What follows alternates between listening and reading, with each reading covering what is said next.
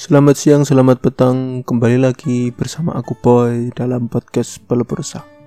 Kemarin kalau nggak salah aku habis nonton podcastnya Deddy Corbuzier sama Uus seorang komika dan juga omongannya Panji Pragiwaksono yang mempersoalkan video bajakan dari stand up komedinya diperjualbelikan dengan cara ilegal ya karena membaca Ngomongin baca membaca di Indonesia ini sebenarnya ribet ya dan nggak pernah selesai-selesai.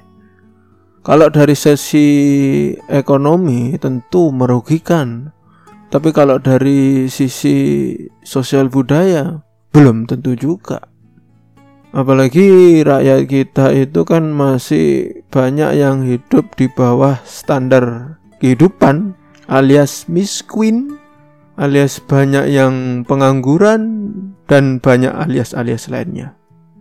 Soal baca membaca ini hanya bisa dihentikan jika ada peraturan dan undang-undangnya yang dilaksanakan oleh aparatur negaranya, aparatur pemerintahnya dari pusat sampai ke daerah.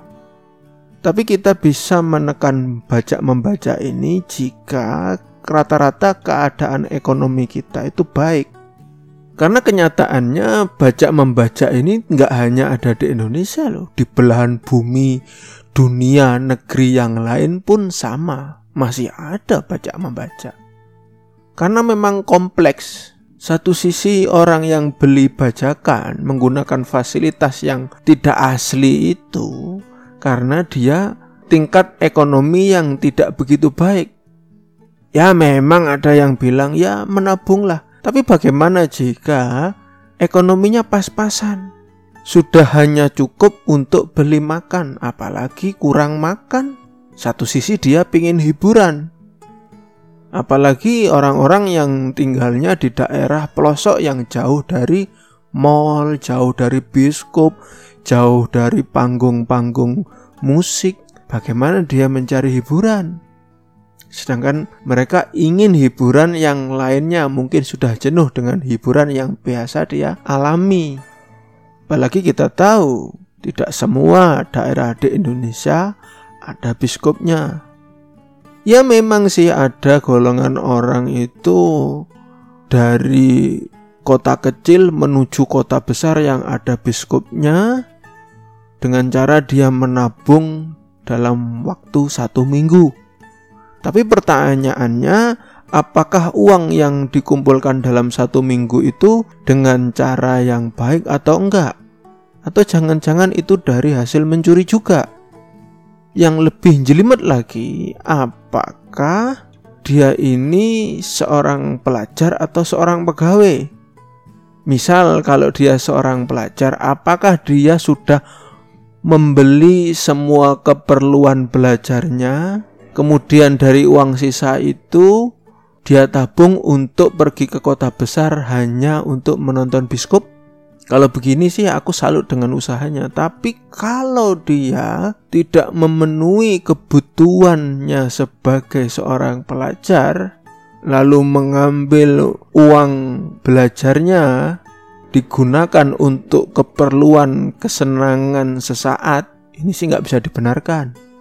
Belum lagi soal tentang hak cipta lagu atau musik.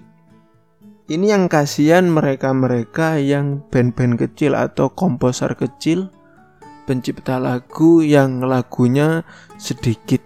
Ini tentu banyak menerima kerugian karena lagunya dibawakan orang lain tapi dia tidak mendapatkan sepeser pun bahkan tidak mendapatkan kehormatan sebagai pencipta lagu atau penyanyi aslinya. Ya memang sih banyak juga musisi-musisi yang cukup humble ya, di mana musisi-musisi itu agak maklum dengan peristiwa pembajakan.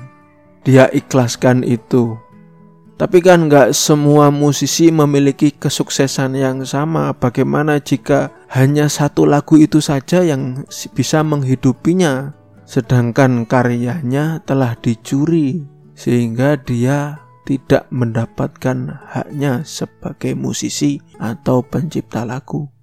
Lalu apakah pembajakan itu baik atau tidak? Ya jawabannya nggak baik. Tapi setidaknya jika memang tidak baik, kurangilah dalam mengkonsumsi menggunakan barang bajakan. Baik itu lagu, buku, atau bahkan film.